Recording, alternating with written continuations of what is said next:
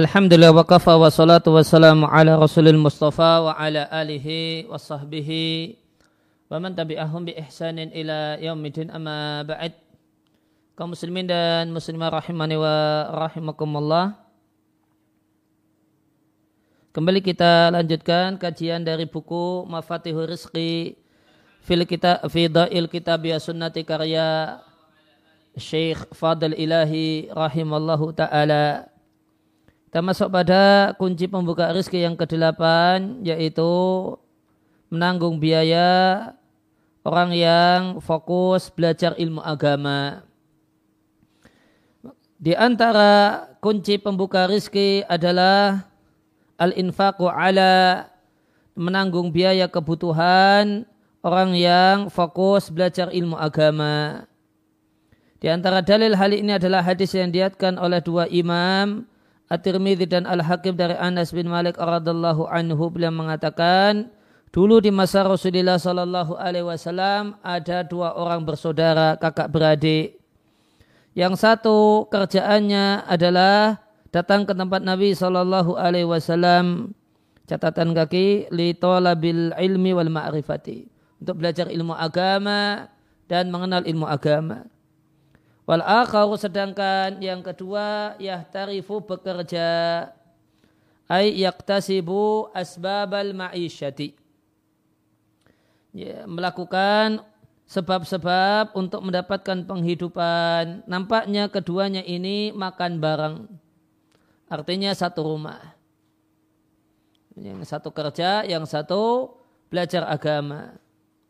Maka yang bekerja mengadukan saudaranya kepada Nabi Shallallahu Alaihi Wasallam. Catatan kaki tiga, diadukan karena tidak membantu saudaranya dalam profesi saudaranya atau mengadukan uh, karena fi, fi kasbi akhara lima isyatin. Karena yang kedua yang belajar agama tersebut tidak bekerja sehingga terpenuhi kebutuhannya sendiri tanpa bergantung kepada saudaranya. Lantas Nabi Shallallahu Alaihi Wasallam menyampaikan la'allaka turzaku bihi. Boleh jadi engkau diberi rezeki bihi karena sebab menanggung kebutuhan saudaramu yang belajar agama. Diatkan oleh At-Tirmidzi dan ini redaksi At-Tirmidzi juga diatkan oleh uh, Al-Hakim dalam Al-Mustadrak halaman 78. Maka dalam hadis yang mulia ini Nabi yang mulia salatu rabbi wassalamu alaih menjelaskan kepada seorang sahabat yang datang mengadu kepada Nabi disebabkan dia punya saudara yang sibuk belajar ilmu agama sehingga ya, yang sibuk belajar agama ini meninggalkannya sendirian bekerja mencari penghidupan maka Nabi jelaskan bahasanya makana yang bari lahu tidak pantas baginya al-mannu. Merasa berjasa disebabkan karena dia menanggung kebutuhan saudaranya. Karena sangkaan bahasanya rizki itu datang dengan sebab pekerjaan atau profesi yang dia lakukan. Wa mayudrihi dia tidak tahu bahasanya Allah Ta'ala sungguh telah membukakan pintu rezeki kepadanya bisa babi infaqihi. Karena dia memenuhi kebutuhan saudaranya yang fokus belajar ilmu agama. Mula alil qari ketika menjelaskan sabda Nabi la'allaka turzaku bihi mengatakan. Di sini digunakan bentuk uh, bentuk majuhul diberi rezeki bentuk pasif Maknanya aku berharap dan aku khawatir engkau sendiri diberi rezeki karena keberkahannya. Bukan karena diberi rezeki karena pekerjaanmu. Maka janganlah engkau merasa berjasa alaihi pada saudaramu bisun atika dengan disebabkan pekerjaanmu. Atibi rahimahullah ta'ala mengatakan yang dimaksud dengan la'alla dalam hadis ini uh, ya juzu boleh jadi kembali kepada Rasulullah Sallallahu Alaihi Wasallam ya, dan la'ala di sini mengandung makna yufidu mengandung makna al qata'a pasti Ya, la'alla kan e, maknanya secara bahasa boleh jadi tidak pasti. Namun makna yang diinginkan adalah al-qata'a pasti ditambah tauhbih celaan. Sebagaimana waradat terdapat dalam hadis yang lain, fahal turzakuna ila bidu'afaikum. Tidaklah kalian diberi rezeki kecuali dengan disebabkan orang-orang yang lemah di antara kalian. Yang kedua, kemungkinan yang kedua, wa ayar ja'alil mukhatabi. La'alla di sini kembalinya kepada yang diajak bicara sehingga membangkitkannya artinya membangkitkannya untuk berpikir dan merenung fayang tasibu minapsihi lantas bersikap objektif terhadap dirinya sendiri. Ya, ada dua kemungkinan uh, boleh jadi di sini boleh jadi boleh jadinya adalah nabi sehingga maknanya malah pasti sekaligus celaan atau boleh jadinya adalah orang yang mengadu tersebut.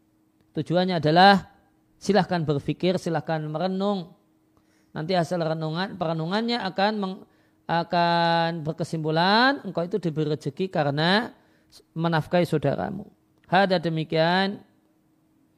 Sebagian ulama menyebutkan ya, dari tafsir Al-Manar Bahasanya orang yang fokus dalam belajar ilmu agama itu termasuk firman dalam orang yang cocok untuk mereka, berlaku untuk mereka firman Allah Ta'ala di surat Al-Baqarah.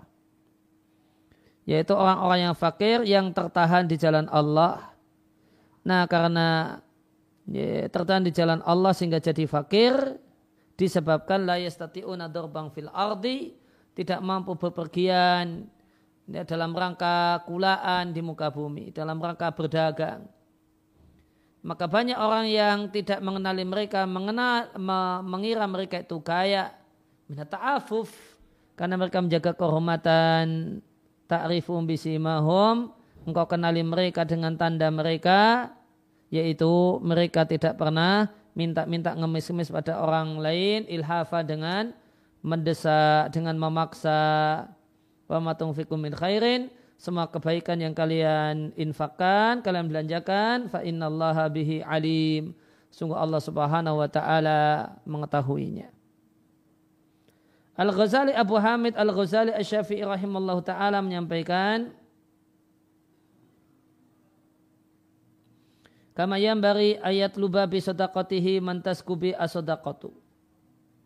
Ya, sepatutnya ya, orang yang mau bersedekah itu mencari dengan sedekahnya. Orang yang ya, sedekah itu akan semakin berkembang dengan dengannya. Semacam yang diberi sedekah adalah orang yang berilmu.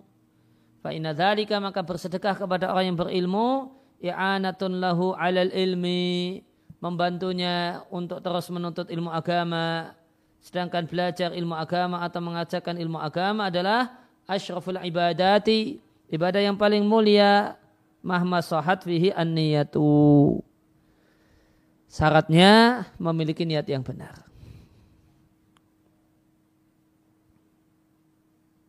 dan adalah adalah seorang ulama di masa silam Abdullah bin Mubarak mengkhususkan kebaikannya atau sedekahnya kepada orang-orang yang berilmu. Fakilalahu lantas ditanyakan kepadanya. Lau amam tak seandainya sedekahnya itu general saja pada semua orang jangan dikhususkan santri, khususkan para ustadz, para kiai. Maka apa jawaban Abdullah bin Mubarak? Kenapa kalau sedekah beliau itu hanya ditujukan kepada para penuntut ilmu, tidak mau kepada yang lainnya? Faqala maka Abdullah bin Mubarak mengatakan inilah a'rifu ba'da maqamin nubuwati afdala min maqamil ulama'i. Aku tidak mengetahui satu kedudukan yang lebih mulia setelah menjadi nabi dibandingkan menjadi ulama. Fa'idha istakhala qalbu ahadihim bihajatihi lam yatafarraq li ilmi. Dan jika seorang ulama itu sibuk hatinya untuk memenuhi kebutuhannya, ya, sibuk bisnis, maka kalau ulama itu sibuk bisnis ada dampak buruknya kata Abdullah bin Mubarak. Yaitu lam yatafarror lil ilmi. Dia tidak fokus dalam pengembangan ilmu dalam pengajaran ilmu tidak fokus. Kenapa sibuk bisnis?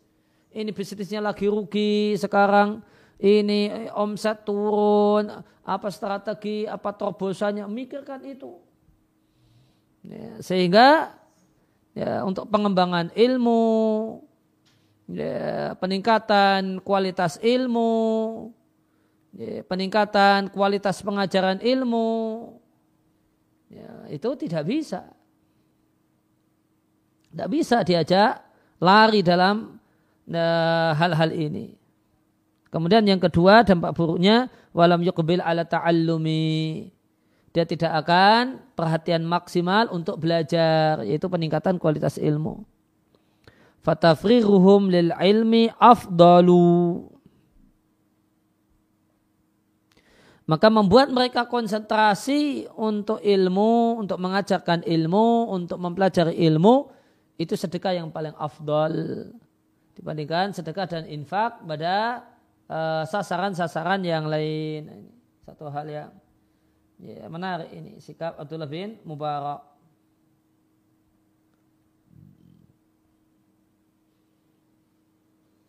Kemudian berkenaan dengan Al-Baqarah 273. Saya ingin bacakan tafsirnya.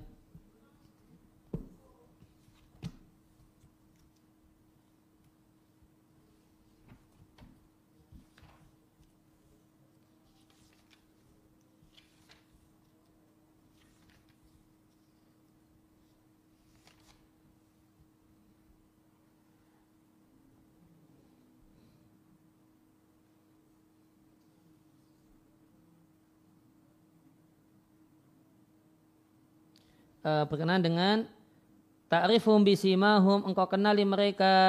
Orang yang sebenarnya tidak tidak punya namun tidak pernah minta-minta bisimahum dengan tanda mereka. Apa itu tanda mereka?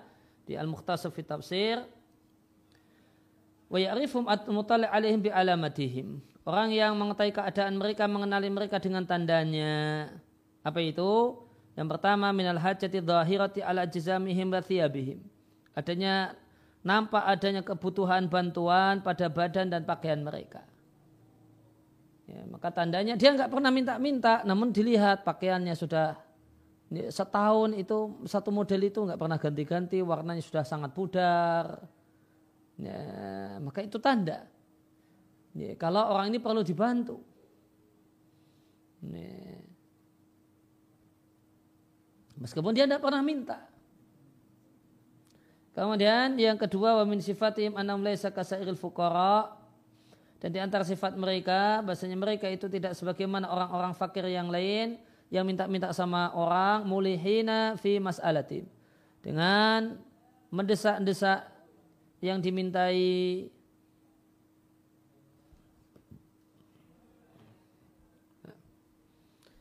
Ya, kemudian kita masuk pada kunci pembuka rizki yang kesembilan.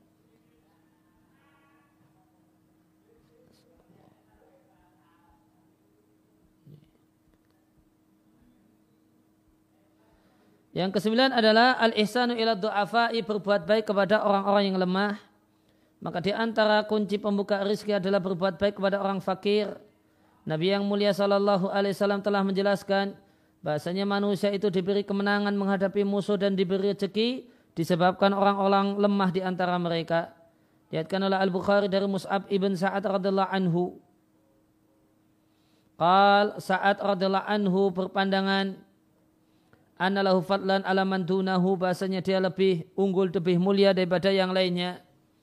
Lantas Rasulullah Shallallahu Alaihi Wasallam menyampaikan hal tung saruna tidaklah kalian diberi kemenangan menghadapi musuh. Catatan kaki kemenangan menghadapi musuh. Waktu rusakuna diberi rezeki. Catatan kaki yaitu diberi harta berupa ghanimah ataupun yang lainnya.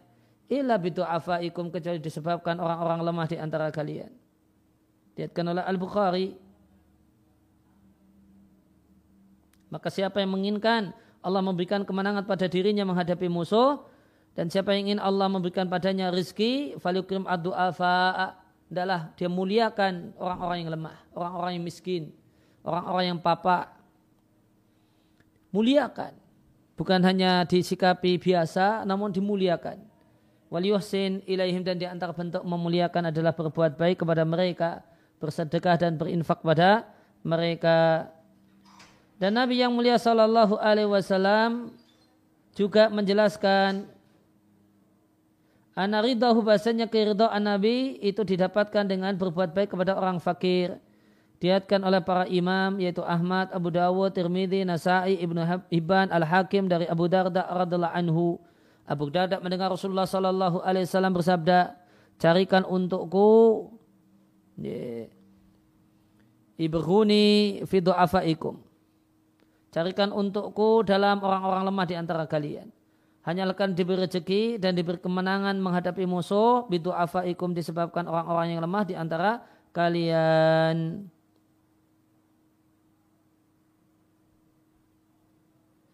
Kata Mula Ali Al-Qari ketika menjelaskan hadis ini abruni abruni ubruni fidu afaikum. Maknanya adalah carilah ridhoku, senangku dengan cara berbuat baik kepada orang-orang miskin di antara kalian. Maka siapa yang saat berupaya agar diridai oleh kekasih Allah Ar-Razak, sang pemberi rezeki, kekasih dari Allah Dil kuwatil matin yang perkasa dan kuat sallallahu alaihi wasallam bil ihsan ilal fuqara dengan berbuat baik kepada orang fakir maka uh, Robnya Muhammad Jalla Jalaluhu akan menolongnya menghadapi musuhnya dan akan memberikan rezeki kepadanya. Kemudian pintu pembuka rezeki yang terakhir di buku ini adalah al-muhajiratu al-muhajiratu fi sabilillah berhijrah di jalan Allah. Maka Allah Azza wa Jalla menjadikan hijrah di jalannya subhanahu wa ta'ala sebagai kunci pembuka rezeki. Aku akan membahas tema ini dengan taufik dari Allah melalui beberapa judul berikut ini. Yang pertama yang dimaksud dengan apa yang dimaksud dan pengertian dari hijrah di jalan Allah. Kemudian yang kedua landasan syar'i kalau hijrah di jalan Allah adalah termasuk uh, kunci pembuka rezeki. Yang pertama maksud dan pengertian berhijrah di jalan Allah. Maka berhijrah sebagaimana penjelasan Ar-Rahib al-Asbahani adalah keluar meninggalkan negeri kafir menuju negeri iman. Semacam orang yang keluar dari Mekah menuju Madinah di masa Nabi Sallallahu Alaihi Wasallam.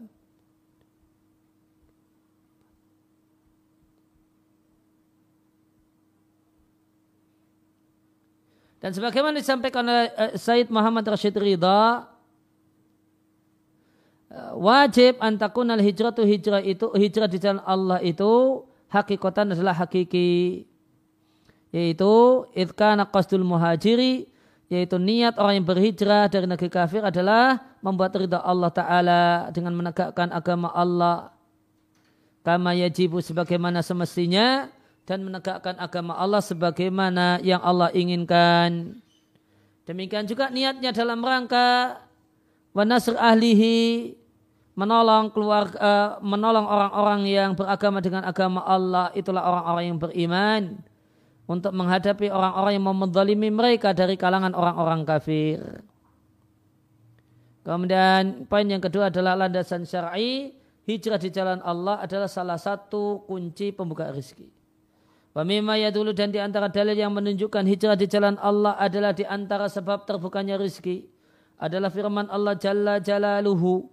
Wa ma yuhajir fi sabilillahi. Siapa yang berhijrah di jalan Allah, yajid fil ardi muraghaman katsira wa sa'ah. Maka dia akan menjumpai muraghaman katsira dan saatan kelapangan. Maka dalam ayat yang mulia ini Allah memberikan janji bahasanya siapa yang berhijrah di jalan Allah Subhanahu wa taala maka dia akan menjumpai dan mendapatkan dua hal. Yang pertama muraghaman katsira, yang kedua adalah saatan. Yang dimaksud dengan poin yang pertama sebagaimana kata Ar-Razi, makna muraghamah artinya siapa yang berhijrah di jalan Allah. Dia berhijrah ila baladin akhar ke negeri yang lainnya maka dia akan jumpai ya, fi ardi dzalikal balad. Di negeri tempat tujuan hijrahnya tersebut dia akan jumpai kebaikan dan nikmat. Yakunu yang uh, kebaikan dan nikmat ini akan menjadi sebab hina dan jengkelnya musuh-musuhnya. Ya, mereka para musuh inilah orang-orang yang bersamanya di negeri aslinya dulu. Wadhalika dan hal tersebut Lianna man faroko karena siapa yang meninggalkan kampung halamannya. Kemudian dia pergi ke negeri asing. Faidah istaqama amruhu. Maka jika telah baguslah keadaannya, ekonominya di negeri asing tersebut. Wawa sholat dalikal khobaru. Kemudian berita kalau sekarang sudah sejahtera dan makmur. Itu sampai kepada penduduk negeri yang lama. Penduduk kampung aslinya khojalu min su'i muamalatihim ma'ahu. Maka normalnya mereka penduduk kampung yang dulu di kampung halamannya dulu itu akan malu karena uh, malu disebabkan jeleknya perilaku uh, perlakuan yang mereka berikan kepadanya. Wa rahimat unufuhum maka jadilah mereka itu hina ya, bisa babidali karena hal itu. di catatan kaki satu di tafsir At-Tahri wa Tanwir Ibnu Ashur menyampaikan ayyajitu makanan dia akan jumpai tempat yurghamu fihi man arromahu akan dibuat hina di tempat itu orang yang ya, membuatnya hina artinya yaglibu fi kaumahu. Dia akan di tempat tersebut dia bisa mengalahkan kaumnya bistiklali anhum karena dia mandiri terpisah dari kaumnya. Sebagaimana mereka telah menghinakan orang ini ya, pelaku hijrah dengan memaksanya untuk kafir. Kemudian yang kedua saatan yang dimaksud kelap adalah kelapangan rizki dan ini penjelasan Abdullah bin Abbas radhiallahu anhu ketika menjelaskan ayat ini. Demikian juga penjelasan Arabi, Ad-Dhahak, Atta dan jumhur ulama umat Islam. Halaman 88 Qatadah mengatakan yang dimaksudkan adalah saatan kelapangan dari kesesatan menuju hidayah, dari kemiskinan menuju kekayaan. Imam Malik mengatakan yang dimaksud dengan sa'ah, sa'atul bilad, lapangnya, nyamannya negeri yang ditinggali. Al-Qurtubi e, mengomentari tiga pendapat ini, ada tiga pendapat tadi, Ibnu Abbas dan Jumhur, kelapangan rezeki. Qatadah ya, termasuk di antaranya kelapangan kesesatan menuju hidayah. Imam Malik ya, kelapangan negeri tempat tinggal. Komentar Al-Qurtubi, penjelasan Imam Malik itu yang paling mendekati kefasihan orang Arab. Ya, berarti kelapangan negeri yang ditinggali, tidak sempit. Ya, karena tanahnya masih luas. Fa'ina bisa'atil ardi wa qasatil ma'akili maka dengan lapangnya tempat tinggal dan banyaknya ma'akil maka itu akan menjadi kelapangan rezeki dan kelapangan dada lihumumihi ya, untuk berbagai macam uh, cita-citanya wafikari dan pikirannya wa ghairu dan yang lainnya min wujuhil faraji yang merupakan bentuk-bentuk Al-Farad menghilangkan kesusahan.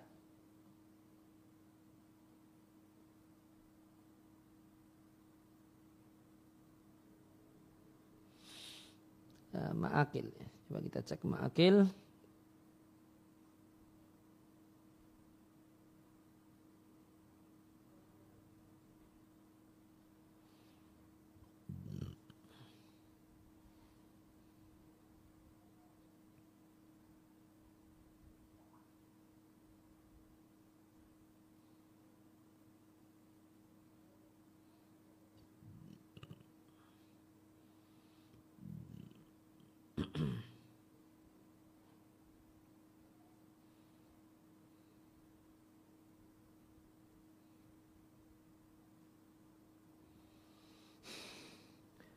Ya, makil, zamannya makil, salah satunya benteng. Ya, ya banyak benteng. Ya, berarti banyak benteng dan di masa silam kalau banyak benteng itu berarti banyak tempat karena masing-masing tempat yang tertata rapi ya, dibuat satu benteng. Ya, sekian kutipan dari Qurtubi. Komentar Syekh Ilahi Hafizul uh, rahimallahu taala dengan uh, mana pun dari tiga pendapat ini yang kita ambil ya, bisa, uh, tetap bisa kita simpulkan orang yang berhijrah di jalan Allah dia mendapatkan janji dari Allah diberi kelapangan rezeki boleh jadi kelapangan rezeki dengan cara langsung atau cara tidak langsung dan janji Allah zat yang maha kuasa al-muqtadir yang maha kuasa jalla jalaluhu adalah satu hal yang benar adanya dan tidak mungkin meleset dan siapakah yang lebih memenuhi janji dibandingkan Allah dan uh, waqad al-alam sidqa hadal wa'di Ya, dan semua orang telah menyaksikan benarnya janji Allah ini dan terus menerus mereka masih bisa menyaksikannya. Halaman terakhir.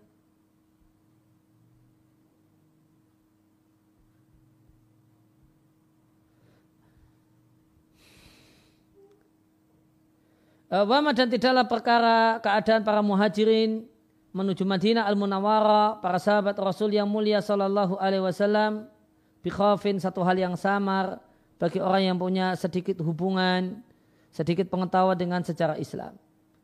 Tatkala mereka tinggalkan kampung halaman dan harta, barang karena hijrah. Karena orang orang Mekah mereka tidak akan melepas orang yang mau berhijrah ke Madinah kecuali manakala pergi hanya dengan baju di badan. Sehingga semua harta ditinggal di Mekah. Mereka tinggalkan harta dan barang-barang karena hijrah di jalan Allah Ta'ala. Maka Allah ganti dengan yang lebih baik. Allah berikan kepada mereka jala luhu kunci pembuka negeri Syam, Persia dan Yaman. Allah jadikan mereka penguasa istana-istana Syam yang uh, merupakan istana merah penuh dengan emas. Istana Romawi penuh dengan emas dan istana Madain negeri uh, Majusi Al-Abiyat yang penuh dengan warna putih yaitu perak Allah bukakan untuk mereka pintu kota Son'a di negeri Yaman. Dan Allah tundukkan bagi mereka para sahabat perbendaraan Faisal, Raja Romawi dan Kisra, Raja Persia. Arazi menjelaskan kesimpulan dari tafsir ayat yang mulia di atas. Kesimpulannya seakan-akan dikatakan, wahai sekalian manusia. In kunta inna matakro al hijrota. Hanyalah engkau tidak suka hijrah dari kampung halamanmu karena takut engkau berada dalam kesulitan dan ujian dalam safar, fala takhaf janganlah takut. Karena Allah Ta'ala akan memberikan padamu nikmat yang besar dan kedudukan yang tinggi di tempat hijrahmu. Maya sirus sababan yang ini semua menjadi sebab hinanya musuh-musuhmu. Wayakunu sabarun menjadi sebab kelapangan ke penghidupanmu. kita tuntaskan dengan baca apa uh, kesimpulan atau penutup segala puji milik Allah yang telah memberikan nikmat pada hambanya yang lemah ini untuk menyelesaikan tulisan ini ya, wayurja dan diharapkan yang maafnya kemurahannya uh, disebabkan maafnya dan kemurahannya agar Allah menerima amal ini dan nampak dan bisa disimpulkan melalui min khilalihi dari tulisan ini beberapa kesimpulan min hadi antaranya ma yali sebagai berikut. Allah menjadikan Allah Jalla wa ala menjadi Jalla Jalalu menjadikan rezeki itu memiliki sebab dan kunci pembuka di antaranya sebagai berikut. Istighfar dan tobat dan yang dimaksudkan dengan istighfar dan tobat adalah meminta keduanya dengan perkataan dan perbuatan. Yang kedua takwa. Yang pengertian takwa adalah menjaga diri dari hal-hal yang menjumuskan ke dalam dosa atau melaksanakan perintah Allah Ta'ala dan menjadi larangannya atau menjaga diri dari hal-hal yang menyebabkan diri itu berat untuk mendapatkan hukuman orang itu berat, berat mendapatkan hukuman boleh jadi karena fi'lin melakukan hal yang terlarang atau tarkin atau meninggalkan kewajiban yang ketiga adalah tawakal yaitu menampakkan ketidakmampuan hamba dan pasrah kepada Allah Ta'ala semata yang keempat uh, fokus untuk beribadah kepada Allah Ta'ala. Ini adalah ungkapan hiperbol dalam pengertian mengkosongkan hati. hati itu kosong sehingga diisi dengan ibadah kepada Al-Maula pada Allah Azza wa Jalla. Kemudian yang keempat, bolak-balik menunaikan haji dan umrah yaitu mengerjakan salah satunya setelah yang lain. Kemarin haji, sekarang umrah. Ini sekarang umrah, besok umrah lagi. Kemudian wawu adalah poin wawu dalam menjalin hubungan baik dengan kerabat yaitu berbuat baik kepada kerabat kemudian membelanjakan harta di jalan Allah yaitu membelanjakan harta dalam hal-hal yang Allah cintai dan Allah ridai kemudian kunci selanjutnya adalah menanggung kebutuhan orang yang fokus untuk belajar ilmu agama poin ta adalah berbuat baik kepada orang-orang yang lemah dan miskin poin ya berjaya di jalan Allah yaitu keluar dari negeri kafir menuju negeri iman karena mencari ridha Allah Ta'ala dan sesuai dengan syariat Allah Ta'ala. Kemudian uh, poin yang lainnya wajib uh, memohon ampun dengan uh, istighfar dan tobat itu dengan ucapan dan perbuatan. Karena jika memohon ampunan dan tobat dengan lisan tanpa tindakan, maka ini perbuatan para pembohong. Wa kama yajib sebagaimana wajib ayakuna taqwa takwa itu dengan menjaga diri dari maksiat kepada Allah dengan melaksanakan perintahnya menjadi larangannya. Karena idia mengaku-ngaku semata-mata mengaku-ngaku bertakwa tidak ada manfaatnya di dunia tidak pula di akhirat. Kemudian tawakal dan fokus untuk beribadah kepada Allah Subhanahu wa taala sama sekali layak tadi. Ya, tidak mengharuskan meninggalkan susah payah untuk mencari penghidupan.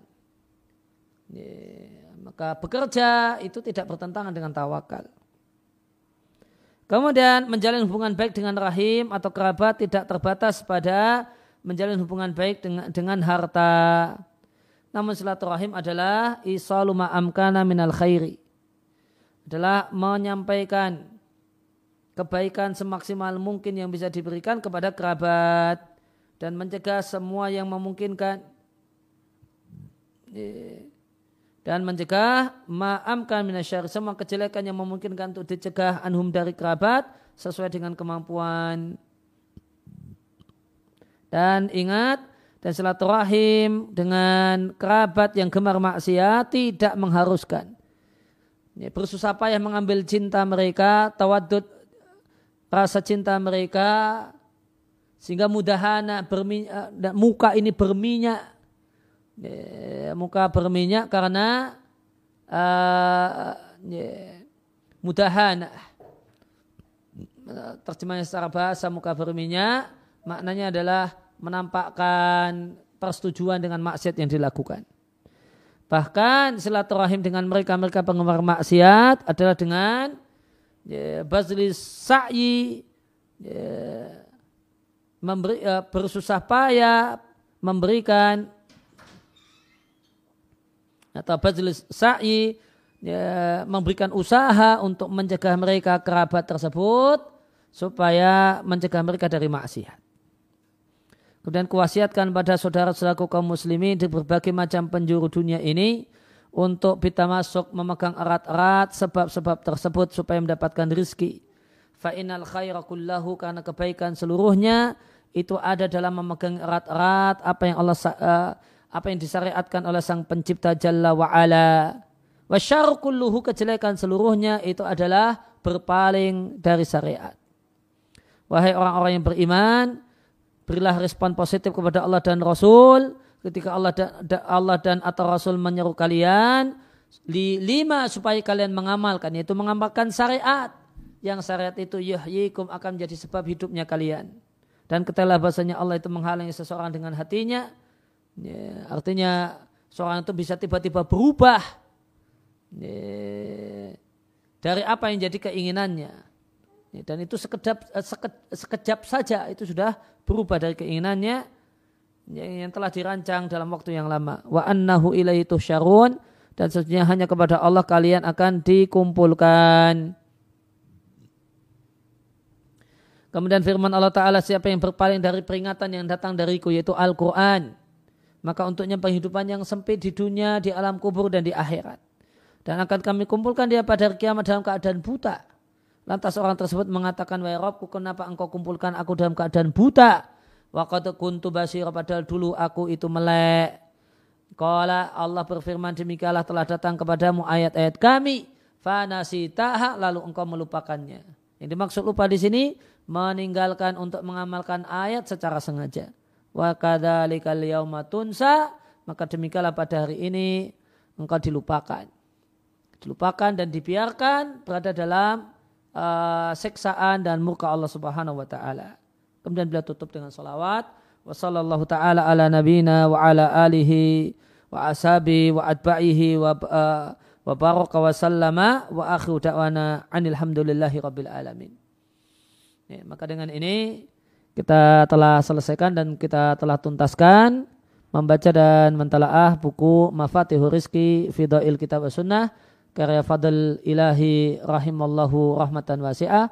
Semoga apa yang kita baca, apa yang kita uh, dengar dan apa yang kita dengarkan, apa yang kita simak uh, Allah catat sebagai ilmu yang bermanfaat ya, ilmu yang uh, memberikan perubahan pada diri kita semakin dekat dan semakin takut kepada Allah Subhanahu wa taala. Ilmu yang membuahkan uh, al khasyah rasa takut kepada Allah.